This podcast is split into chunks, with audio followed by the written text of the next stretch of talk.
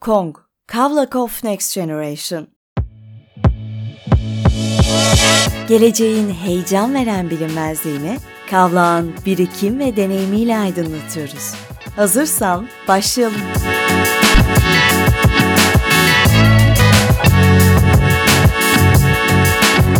Comtalks'un yeni bölümüne hoş geldiniz. Bu bölümde konuğumuz Vamo'nun kurucusu, girişimci Yankı Önen. Yankı Bey merhaba.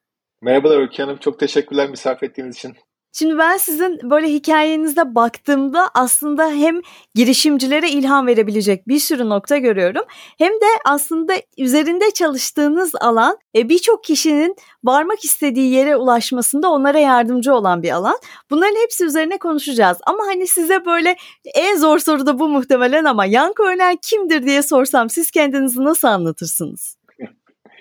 Yankı Önen meraklı bir girişimcidir. E, meraklı girişimcilik esasında şu demek hani bazı yeni teknolojiler olsun ve e, Yankı Önen bir dükkana girdiği zaman problemi görüp de bunu nasıl çözerim gibi düşünen bir insandır.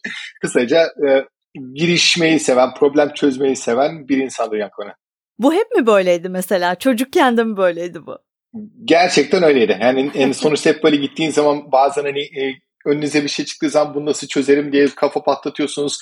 Ya bu doğru çalışmıyor bunu daha iyi yaparım diye. Yani o zamanlar zaten hani yaşım da 50'lere yaklaştığı için şu anda bizim dönemde bazı şeyler hakikaten gerçekten problemdi. Bunlara ulaşmak da zordu. Tabii artık o probleme gittikçe azaldı. Teknoloji çok ilerledi. Ama insanın e, ister istemez o yaşadıkları tecrübeler farklı bir düşünme stiline getiriyor. Evet evet gerçekten ama bu böyle sürekli problemleri çözmeye çalışan insanlar zaten böyle bir girişimle bizim karşımıza geldiklerinde o çok doğru bir eşleşme oluyor. Yani burada sohbet ettiğimiz bütün girişimciler onu söylüyor. Oturup ben şimdi kendi işimin patronu olacağım diye başlamak değil de bir sorunu görmek ve ona bir çözüm üretmek gerekiyor. Yani sizin de yaptığınız şey bu onu konuşalım ama daha hala gerilerdeyiz. Oraları birazcık daha uzun uzun anlatalım istiyorum. Bir Malta var herhalde onu bir konuşalım. Okul yıllarındaki Malta ama bu. İş hayatındaki Malta değil. Of. O, okul yıllarındaki Malta esasında hani e, benim annem babam ayrıydı küçükken çocuk yaşındayken. Beni bir, belli bir yaştan sonra lise bir döneminde o zaman Ankara'da yaşıyorduk. Babam yanına almak istedi. Annem işte nedir onu artık baş edemedi biraz yaramazlıklardan. O zaman da babam da dedi ki hani Malta gibi güzel bir yer var. Oradaki Türk ateşesi kendisinin arkadaşıydı. Benim çocuklarım burada dedi. Çok mutlular dedi ki iyi ki öyle bir seçim yapmışlar. Ben 1988'e geldim galiba Malta'ya. 88'de 89'da tam hatırlamıyorum şu anda ama o dönemde Malta farklı bir Malta tabii. Çünkü gerçekten sürgüne gönderildiniz.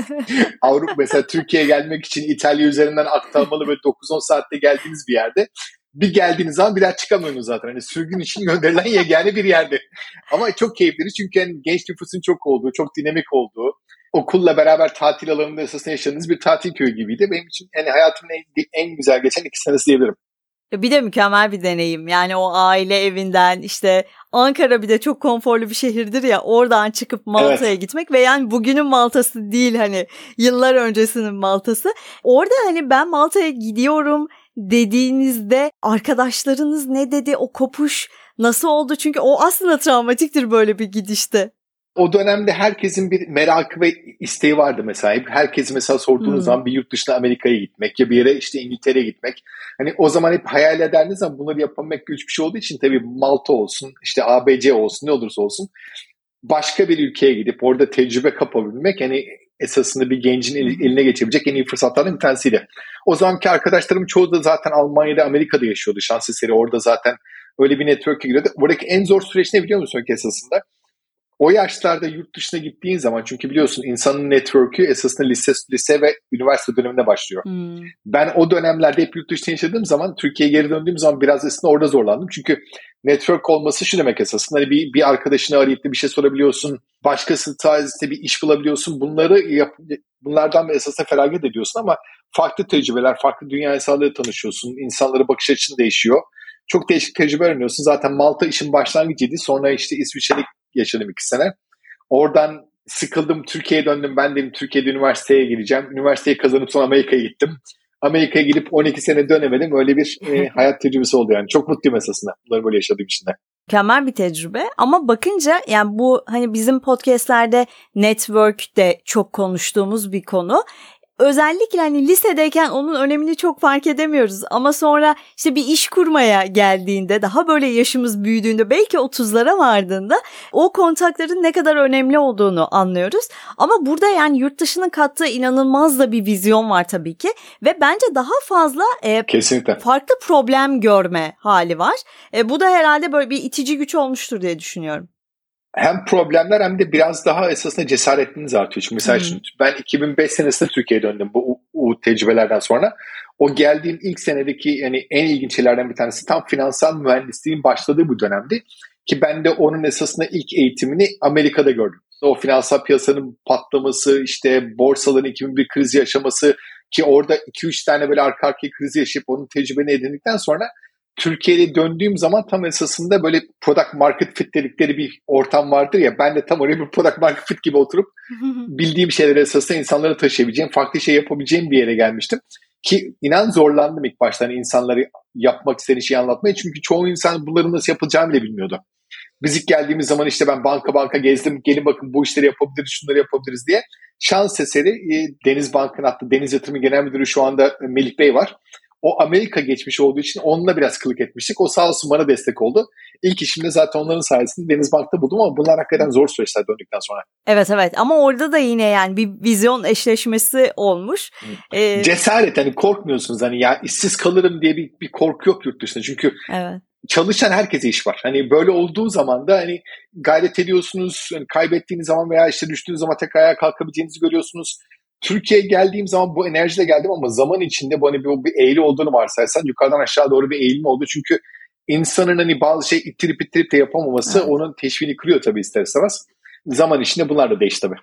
Yani buna böyle işte şirket kurma süreci, yurt dışına açılma süreci olarak bakarsak orada da e, bizi çok engelleyen şeyler olabiliyor. O böyle hayallerimizin üzerine kara bulutlar gibi çöken bilmediğimiz, aşamadığımız şeyler olabiliyor. E, Vamo biraz da bunlarda bize yardımcı oluyor diye hafif hafif Vamo konusunu açayım. Esasında öğretilerimizi paylaşıyoruz biz de. Çünkü sonuçta hmm. biz de bir girişime başlarken bir şirketi kurmak olsun, bir banka hesabı açmak olsun, operasyonel faaliyet tarafındaki bu bütün problemleri gördüğünüz için size dedik yani biz bunları kendimiz zaten yaşadık.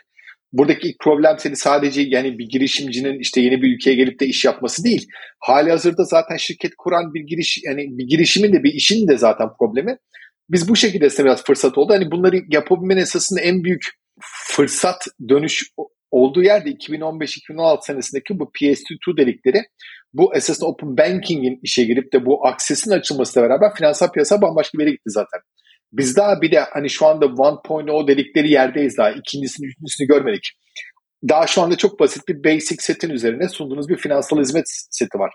Bunlar gelecekte esasında mesela bunun en güzeli Apple'dır. Apple Goldman Sachs'le beraber bir ortaklık yaparak işte kredi kartı verdi kullanıcısına. Daha e, az önce çok yakın zamanda bir hafta on gün önce bir, bir depozit ürünü açtı vadeli mevduat için.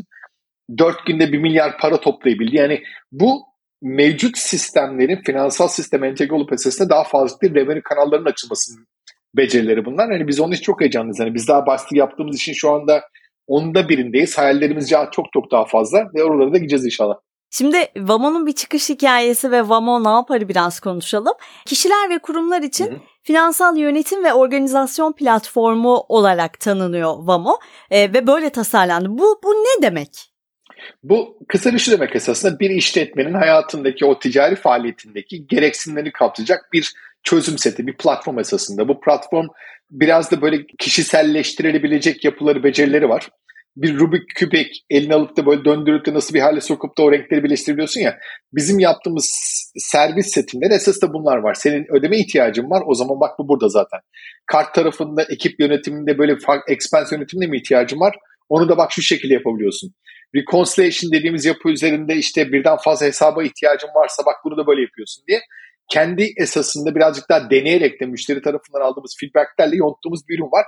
Ve zaten bundan sonra süreçte de sadece müşteriden gelen talepler üzerine ürünü yeniliyoruz. Hani kendimiz işte bu nice to have değil de hani tamam bu ihtiyaç artık bunu bu şekilde götürelim diye daha böyle esasında hızlı pragmatik çözümlerle devam ediyoruz süreçlere. Ama bunlar yurt dışında oluyor değil mi? Hepsi İngiltere ve Avrupa'da. Şu anda iki tarafta da bizim Hı-hı. faaliyetimiz var. İngiltere bir yapımız var. Bir de aynı zamanda Malta üzerinden Avrupa'ya verdiğimiz bir servis seti ve bir dahaki sene de Finlandiya'nın lisansımızı alacağız zaten. Şu anda onun prosedürlerine başladık. Yani bunları şimdi konuştuğunuz zaman esasında hani kolay telaffuz ediyorsunuz ama bunların hiçbiri kolay değil. Kolay değil derken ama Tabii bir yerden de başlayabilmeniz lazım. Şimdi ben mesela ilk işte Malta'ya tekrar 2016 döndüğüm zaman bunları yapabileceğim aklım ucundan geçmiyordu. Ama bir yerden başladığınız zaman da zaten yolu öğrendikten sonra diyorsunuz zaten bunlar çok kolay. Yani bir yerde şirket kurup orada faaliyete geçmek, ekip kurmak, her türlü desteği sağlayabiliyorsunuz. Çünkü destek günün sonunda yani o gittiğiniz ülkedeki regülatör olsun, e, insanlar olsun, kaynaklar olsun bir business friendly ortamlar olduktan sonra dünyanın her yerinde iş yapmak çok kolay. Ama işte o dediğiniz yani bir kere bir şeyi denedikten sonra o yolu gitmeyi bildikten sonra kolaylaşıyor. Ama ilk çıktığımızda o yola tabii ki zor. Burada da yani daha önce bu yolu tecrübe etmiş insanlardan destek almak ve o destekle beraber büyümek işleri çok kolaylaştırıyor tabii ki. Kesinlikle. kesinlikle. Girişte Malta'dan bayağı bir bahsetmiştik. Vamo ve Malta'da e, yine yolları kesişiyor ve siz bu sefer Malta'ya iş yapmak için gidiyorsunuz değil mi? 2016 senesinde iş yapmak için bir tane yeni Fransız şirketin lisanslama süreçleri için buraya geldim. Onlar da yatırım süreçlerine destek oluyorlardı ve Avrupa'da bir, bir, bir iştirak kurup da Avrupa'ya esas hizmet vermek için hatta projeyi de ben başlattım 2015 senesinde. Bununla beraber buraya geldikten sonra farklı ihtiyaçları gördük. Hani o demiştim ya sana Türkiye'ye döndükten sonra bu eğri aşağı indi artık birazcık daha cesaret kırıldığı zaman Malta'ya geldikten sonra tekrar o eski formumu bulacak hani ya artık tekrar yapabilirim. Burada fırsatlar gene var. Etraf çünkü her Malta'da her şey fırsat esasında. Ufak bir yer olduğu için o kendi kapında esasında insanlar onu gösteriyor ve büyük şirketler Malta'yı test etmek için kullanıyor genelde. Çünkü Avrupa ve küçük bir kitleye hızlıca ulaşabileceğiniz, onlardan hızlı feedback alıp da başka Avrupa ülkelere götürebileceğiniz bir yapısı var Malta'nın bugüne kadar konjektüründe. Biz de bunu fırsat bildik 2017-18 senelerinde. O zamanki fikrimiz birazcık daha farklı bir yerdeydi esasında. Biraz daha bu kriptonun insan hayatına nasıl gelir, ödeme faaliyetlerine nasıl gider diye başladığımız projeden daha sonra şu andaki olduğumuz Momo'ya geldik. Tabi bu birkaç hata, birkaç işte pivot dediğimiz süreçler geçirdikten sonra oldu ama bunların hepsi fazlası fazlası keyifli ve tecrübe katan şeyler neden Malta'yı soracaktım. Onun biraz cevabını almış olduk. Hani hem Avrupa hem e, bir sürü şey denemeye de olanak sağlayan bir yapısı var diye. Birazcık da böyle şunun üzerine konuşalım. Yurt dışında şirket açmanın zorlukları. Yani girişimciler bu noktada hangi zorluklarla karşılaşıyor? Hani tabii ki ülkeye göre değişen durumlar var. E, belki onlardan böyle biraz kısa kısa hepsinden bahsedebiliriz. Ya esasında bir şirket kurup da bir yerde faaliyete başlamak zor değil. Hmm. Operasyonel bankacılık çok ciddi problem. E, en son dönemde özellikle bir Türk olarak da girişimci olarak da ya işte mesela Covid bunların çoğunu değiştirdi.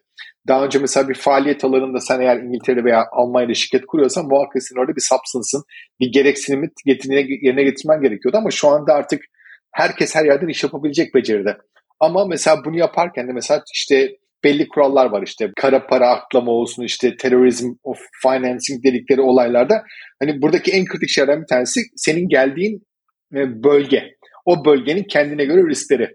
Son iki sene oldu galiba. Türkiye ne zaman yüksek riskli bir bölge olarak belirlendikten sonra bir Türk olmak Avrupa'da iş yapmak için çok daha zorlaştı. Hmm. Çünkü eğer o şirketin sahibi bir Türkse veya özellikle bir de Türkiye'de yerleşikse zaten size enhanced due diligence dedikleri daha derin esasında kontrollerin yapıldığı süreçlerin daha da zorlaştığı yerlere götürdü. Yani şimdi bunlar hiçbir girişimci nasıl duymak hikayedir ama maalesef böyle. Hmm. Bir girişimcinin hani Türk girişimciler örnek veriyorum çünkü sonuçta bizim hani tanıdığımız insanlar baktığımız yer olursa ama bu her yer için de geçerli bir miktar. Mesela bu aynı şey için mesela Malta'da high risk bir bölge. Malta'da onun için bankacılık çok ciddi bir problem. Biz zaten Malta'da hani bazı şey test ettikten sonra Malta'da ufak bir pazar payı alıp direktman farklı ülkelerden bir şeyler şu anda yapmaya çalışıyoruz. Çünkü oradaki şeyi dengeleyebilmeniz lazım. Burada hani her şey değişiyor zaman içinde. Bunu adapte oluyorsunuz. Daha farklı yolunu arıyorsunuz ama en zor iş esasında o operasyonel bankacılık tarafındaki süreçleri tamamlamak.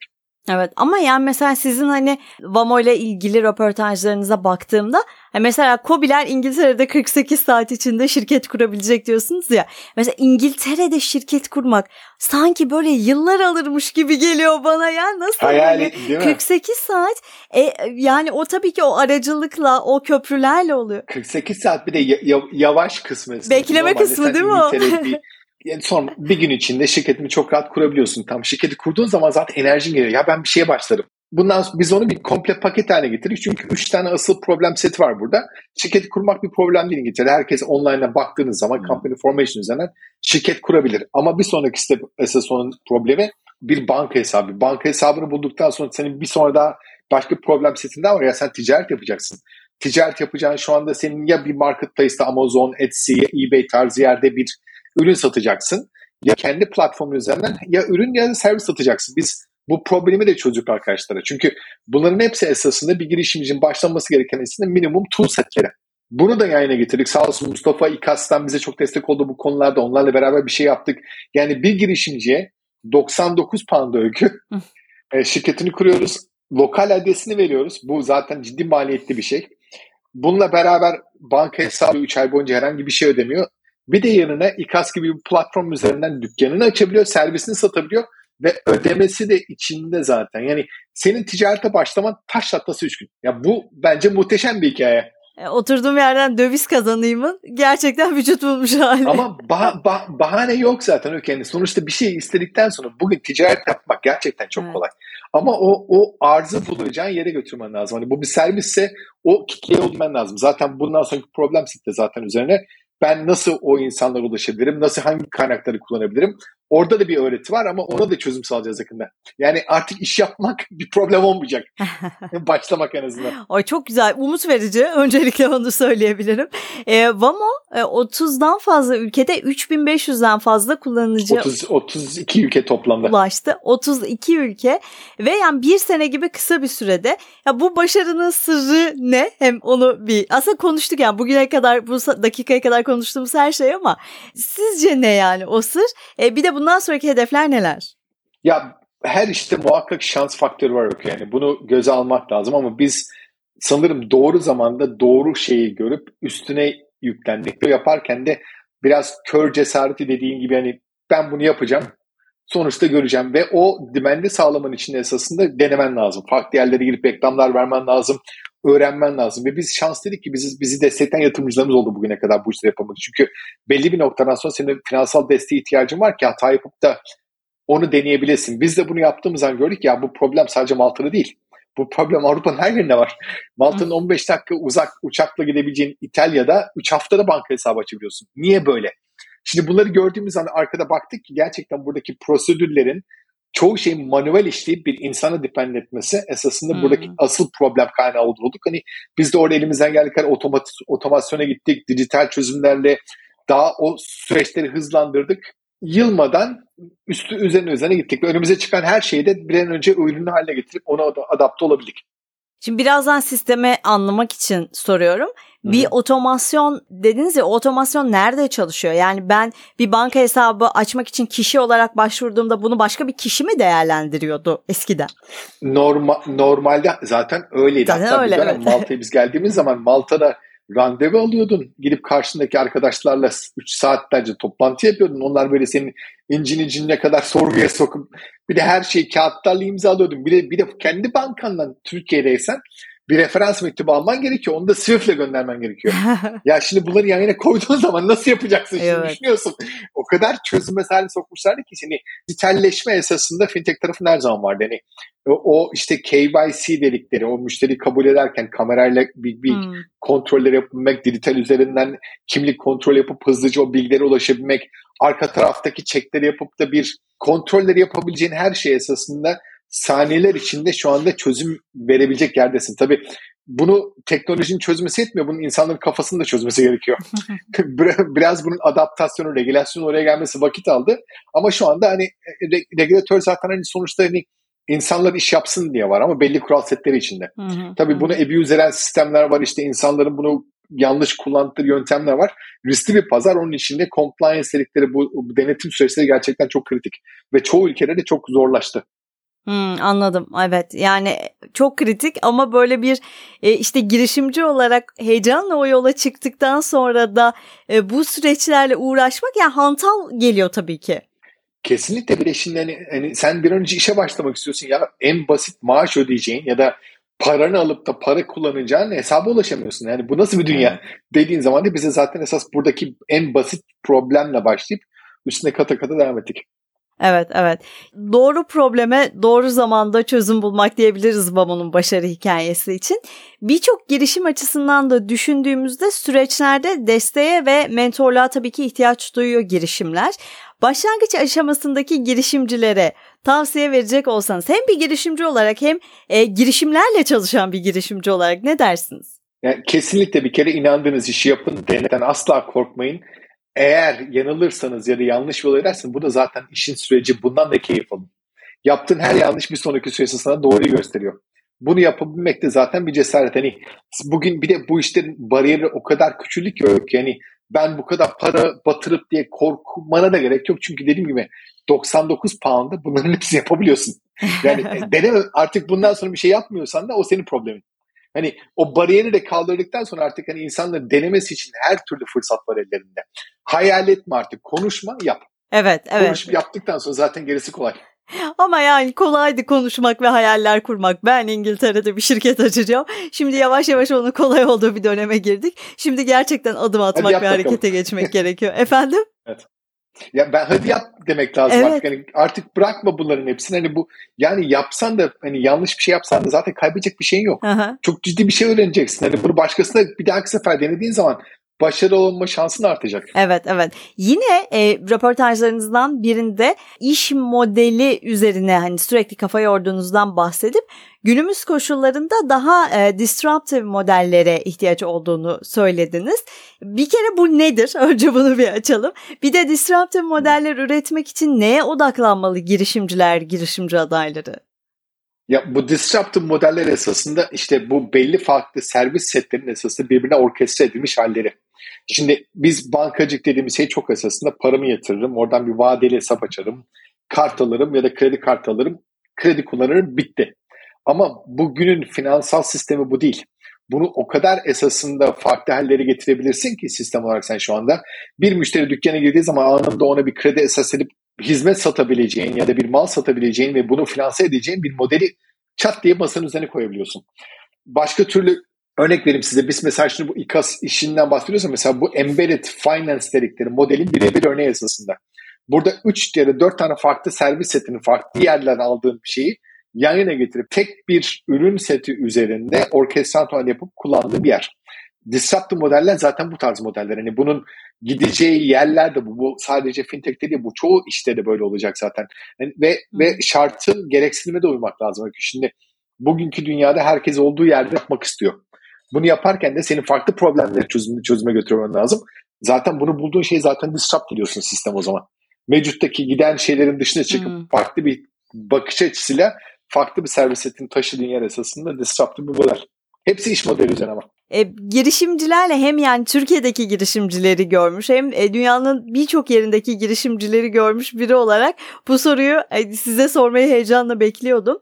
E, global ekosistemlerle kıyasladığımızda Türkiye'deki girişimcilik ekosistemine baktığımızda hem gelişim alanları neler hem fırsatları neler nasıl görüyorsunuz? Ya Türkiye bir kere hani şimdi e, sadece Türk olduğumuz için değil yani bizim gerçekten mevcutta yaşadığımız şartlar, o geçirdiğimiz evrim bizi çok pragmatik düşünen bir esasında insan haline getirdi. Türk insanı gerçekten öyle. Hızlı çözüm bulabilen, pragmatik olan ve hani yaptığı her işte böyle. Bu dünyanın en çoğu yerinde Türklerin başarılı olduğu bir dünya girişim var. Bu da zaten işte o belli kültür, belli kültürlere gelmeniz, belli şeyleri yaşamanız, belli dönemlerden geçmenizin getirdiği beceri. Son dönemde ama şunu da çok net görebiliyorum cesaretler kırıldı biraz ülke. Eskiden birazcık daha cesaretliydik biz bazı işleri yapar. Şu anda daha konservatif, işte daha çekingen. Bu kere bundan kurtulmamız lazım. Amerika işini yani aldığın zaman da Amerika'da cesaretin artık böyle tam tepede olduğu, sistemin seni her türlü girişime destek, destek olduğu ve aynı zamanda da hata mı yaptın? Tamam iflas diye bir şey var. İstiyorsan iflas et, istiyorsan ötele ama hayatını bıraktığın yerden devam edebileceğin becerileri sahip olabiliyorsun. Hani bunlar olduğu zaman da şimdi mesela ben tamam ben bu işte kaybettim. Benim hmm. hayatım bitmiyor. Ben esasında hayatıma yeniden başlayıp istediğim şeye devam edebiliyorum. Hani benim Amerika'da öğrendiğim en önemli şey işte bunu Türkiye'ye getirdiğim zaman dediğim yani ilk geldiğim zaman aynı heyecanla koşturuyordum. Birdenbire o artık o heyecan kırılmaya başlıyor. Çünkü gittiğiniz her yerden farklı tepki alıyorsunuz. Böyle önünüze farklı friction noktaları çıkıyor. Hani bunları aşmak zorlu, yoruluyorsunuz ve bir noktadan sonra artık paslaşmaya başlıyor süreçler. Bunu kırmamız lazım. Hani inşallah hani bu hani bir kere şu andaki gençler bizden çok çok daha becerikli ve ilerideler. Hem zekaları olsun hem eğitim seviyeleri olsun. Yani İngilizce konuşabilme olayında biz Türkiye'de çok ilerideyiz hala. Hani bunu bunu bile esasında fırsat bilip yani insanların şu anda global dünya o kadar ufak ki birbirine her yerde dokunabiliyorsunuz. Bunu fırsat bilip esasında başka taraflara bakıp hani o öğrenip de ne kadar bir şey yapabiliyorsa denemesinde fayda var. Evet kesinlikle öyle ama sanırım yapabileceğimize dair inancımızın sarsıldığı günler yani birçok faktörden dolayı. Bir de tabii ki risk alabilmek için böyle birazcık alan gerekiyor. Hani burada risk alıyorum ama şu yönden hani tekrar çıkarım ama böyle çok kıt kanaat bir ortamda olunca risk almaya da gönüllü olunmuyor haliyle. Benim e, bunların hepsi esasında biraz şey hani ABC şıkkı koysan Hı. her şeyin bir bahanesini bulursun tabii, yani. Tabii. Ben 3 sene boyunca iki işte çalıştım bu girişime başladığımız zaman. Ne zaman işimi bıraktım? Bir sene oldu. Artık hani o ve hani artık öyle bir noktaya geliyorsun ki ya ikisini birden yetiştiremiyorum artık hani burada bir şey o zaman zaten oraya atlayıp ben öyle çok özel bir insan değilim. Benden çok çok daha başarılı olan hani yapmış örnekleri de var önümüzde. Ben insanın hepsinin başladığı nokta burası. Yani şöyle bir şey tavsiye edeceğim arkadaşlara. Öykü sana da tavsiye ederim. Rework diye bir kitap var. Hmm. E, bu Rework'i yazan arkadaşlar Jason Fried and David Heinemeier diye bir, birileri adını söyleyemeyeceğim ama bunların bir tane ürünleri var Basecamp diye. Ve bunu hatta şey e, kodlama yapan arkadaşlar bilir. Ruby on Rails diye bir kodlama dilini bu arkadaşlar geliştirdi. Son dönemde okuduğum en gerçekçi, en doğru zamanı gösteren bir kitap bu. Ve ne yaptık biliyor musun? O kitabı okuduktan sonra bütün arkadaşlar bu kitabı aldım. Hatta alamadığım insanları PDF ile gönderdim. Daha sonra Basecamp'i bir an önce kendimize bir esasında proje tool olarak seçtik. Ve o kitapta yazıp da esasında bazı şey uygulayıp da adını bilmediğimiz şeyleri bir önce aksiyon setine aldık. Verimliliği arttıran ve başka şeyleri gösteren ve olsun bizim şu anda bildiğimiz o sta, sta, biraz daha statistikon dışında düşünen bir yapı. Kesinlikle bunu tavsiye ederim ve her girişimci bence işe başlamadan önce okuması gereken yegane kitap. O zaman diyorsun ki yani ya zor değil ki o zaman. Gerçekten zor değil ama bazı şeylerde. Yani şimdi biz bizim için bazı şeyler zor çünkü regülasyon alanında hareket etmek gerçekten zor. Çünkü oradaki kural setleri, partner dependency'leri seni zorlayan süreçler ama teknolojide de bir serviste ya da bir iş yapma bunlar her zaman zorluk değil. Yani her zaman böyle zaten yapacak olan bir şekilde yapıyor ve o zorlukları bir şekilde aşıyor. Ama burada da o zorlukları aşmaya dair hikayeler duymak, böyle işte podcastlerde, konuşmalarda, kitaplarda bunları okumak inanılmaz motive edici oluyor. O yüzden hani şimdi baktığımızda hani e, Vamo'nun geldiği yer çok umut vaat edici ve harika. Ama birazcık daha zorlanılan yerleri de konuşalım. Oraları da biraz açalım istiyorum. Çünkü bugün aşılmış görünen dertler zamanında çok çok büyüktü. Neler olmuştu oralarda? Hala da oluyor hani öyküsü. Her o yolun her gittiğin esasında farklı aşamasında farklı problem problem çok fazla kullanılmıyor. Problem de her zaman çözebileceğim problem olmuyor. Partner tarafında bir sorun olduğu zaman onun, onun çözümü daha zor oluyor. Yani bu tarz şeylerde de şunu şunu yapabiliyorsun. Adapte olabilmen lazım hızlıca. Adapte olmakla beraber yılmaman lazım. Karşıdan karşıya geçtin yok trafik vardı yok neyse işte seni yıldırmaya yeter sokağa çıkmamaya. Ama buna rağmen sen üzerine ittire ittire gidersen zaten o kapılar kendi kendine açmaya başlıyor sana. Evet. O ilk çıkan şeyler esasında bir sis bulutu. Sis bulutuna geçtikten sonra zaten her şey berrak. Kesinlikle öyle. Oradan da çıkabileceğimize inanmak gerekiyor ve orada da hani herhalde böyle bir fikirde çok ısrar etmek yerine belki biraz o fikirleri değiştirmeye de açık olmak gerekiyor. Kesinlikle zaten o pivot dediğimiz oluyor. Zaten sen yanlış yaptığın şeyi inanıp onun arkasını kursan zaten seni daha kötü yanlışa götürecek. Oradan öğrenip hızlıca farklı bir yere gidebilmek zaten esası girişimcinin en büyük becerisi. Evet. Ve orada hani ya ben hata yaptım ya mahvoldum git. Ya, tamam ne güzel işte öğrendik devam. Evet. Bunu en güzel kim anlatıyor? Elon Musk. Elon Musk'ın yani SpaceX'in öyküsüne baktığınız zaman roketleri milyonlarca milyonlar dolar bedeli roketleri patlatmaktan keyif alıyorlar. Çünkü öğrendiklerini söylüyorlar. Çünkü zaten girişimcilik böyle bir şey. Yani öğrenip de üzerine koyabileceğin bir bilgi setine ulaşabilir. Evet, evet. E, çok güzel bir örnek oldu. E şimdi birazcık da yani bir e, Kavlak Avukatlık Bürosu'nun podcast'i Kong Talks'ta olmamızın dışında da bu soruyu size sormak isterim. E, konuk aldığımız girişimcilere de zaten sorduğumuz bir soru bu. Girişimler başlarken e, hukuki danışmanlıkları zaman zaman çok önemli bulmayabiliyor. Yeni başlamanın heyecanıyla ya da sonradan telafi ederiz diyerek biraz göz ardı edilebiliyor. Sonrasında da hani işler büyüdüğünde ciddi sıkıntılara yol açabiliyor bu durum. Hani bu konuda fikirleriniz neler? Hukuki danışmanlık bir girişimin başlangıcında nerede duruyor sizin açınızdan? Bir kere kesinlikle yanınızda olması gereken bir ortak. Hmm. Çünkü onların sayesinde çoğu şeyi görebiliyorsunuz, öğrenebiliyorsunuz. Hani bunu da ilk mesela her girişim için bu şart değil öykü. Mesela hani senin oradaki girişimin yapılacağın mesela legal taraftaki süreçleri çözüyorsan, regülasyonla uğraşıyorsan ya da belli sözleşmeleri bakıp da üzerinde yorum yapman gerekiyorsa ya da senin işte bir data privacy mesela Kavlan çok başarılı olduğu bir kısım var. Hani o tarafta gerçekten şu anda bir gereksinim ve bunu yap, nasıl yapacağını bilmeyen bir dünya insan var çok ciddi cezaları var. Hani burada biz sağ olsun hani çok destek de aldık onlarda. İleride daha da büyük işleri zaten beraber çalışacağız. Hani ve bunu alırken mesela korktuğunuz şey legal taraftaki maliyetler genelde yüksek oluyor. Ama problemini siz çok net anlatabilirsiniz. Ya biz bunu beraber başlayalım. Benim bütçem bu kadar. Destek olun. İşimiz büyükçe biz beraber bu yolda ilerleyeceğiz zaten diye hangi avukatlık bürosuna giderseniz gidin size destek olacak bir avukat muhakkak bulursunuz ki Kavlak bu konuda çok ilerler. Hani biz sağ olsun bir gün bir ihtiyacımız oldu bu problem üzerinden. Rica ettim. Bize dönüp cevap vermeleri bir günden az zaman aldı ve dönüp de hani, hani bir kuruş bile bizden para almadılar ki hani seve seve vermeyi zaten biz hazırlık o problemi çözebildiğimiz için. Ama bize bir dost kazandık. Biz onlara başka müşteriler götürdük. Onlar bize başka müşteriler getirdi. Ve beraber böyle de büyüyeceğiz inşallah. Yani hem bilgileri paylaşmanın önemi çok büyük hem de o network'ün içinde e, birlikte büyümek çok değerli bir şey. Hani belki bazen düşünmediğiniz yerlerden fırsat alanları doğabiliyor. Herkes kendi uzmanlığı doğrultusunda baktığında çok daha farklı açıkları görebiliyor. Daha farklı noktalardan birbirine yardımcı olabiliyor. O yüzden hani hem o küçük çevremizde sıkı sıkıya birbirimize bağlanmalı hem de büyümekten de korkmamalıyız.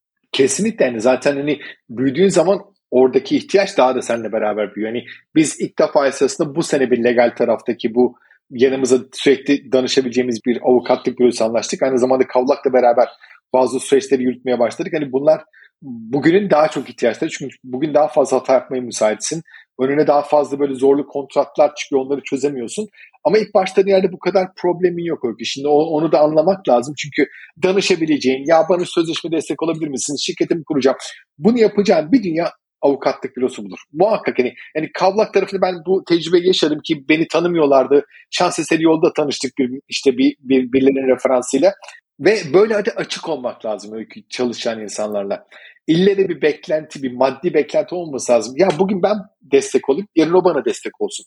Bu mantıkla zaten win-win modeli düşündüğünüz zaman bambaşka yerlere götürürsün süreçleri. Evet yani bu da belki zaman zaman unuttuğumuz bir şey. O yüzden bunu da tekrar altını çizmek çok keyifli oldu. Ee, burada bitirelim o zaman. Çok teşekkür ediyoruz. Ben çok teşekkür ederim değerli vaktin için. Bugün Kong Talks'un konu Yankı Önen'de harika bir sohbet oldu. Tekrar karşılaşmak umuduyla. Hoşçakalın. Çok teşekkür ederim.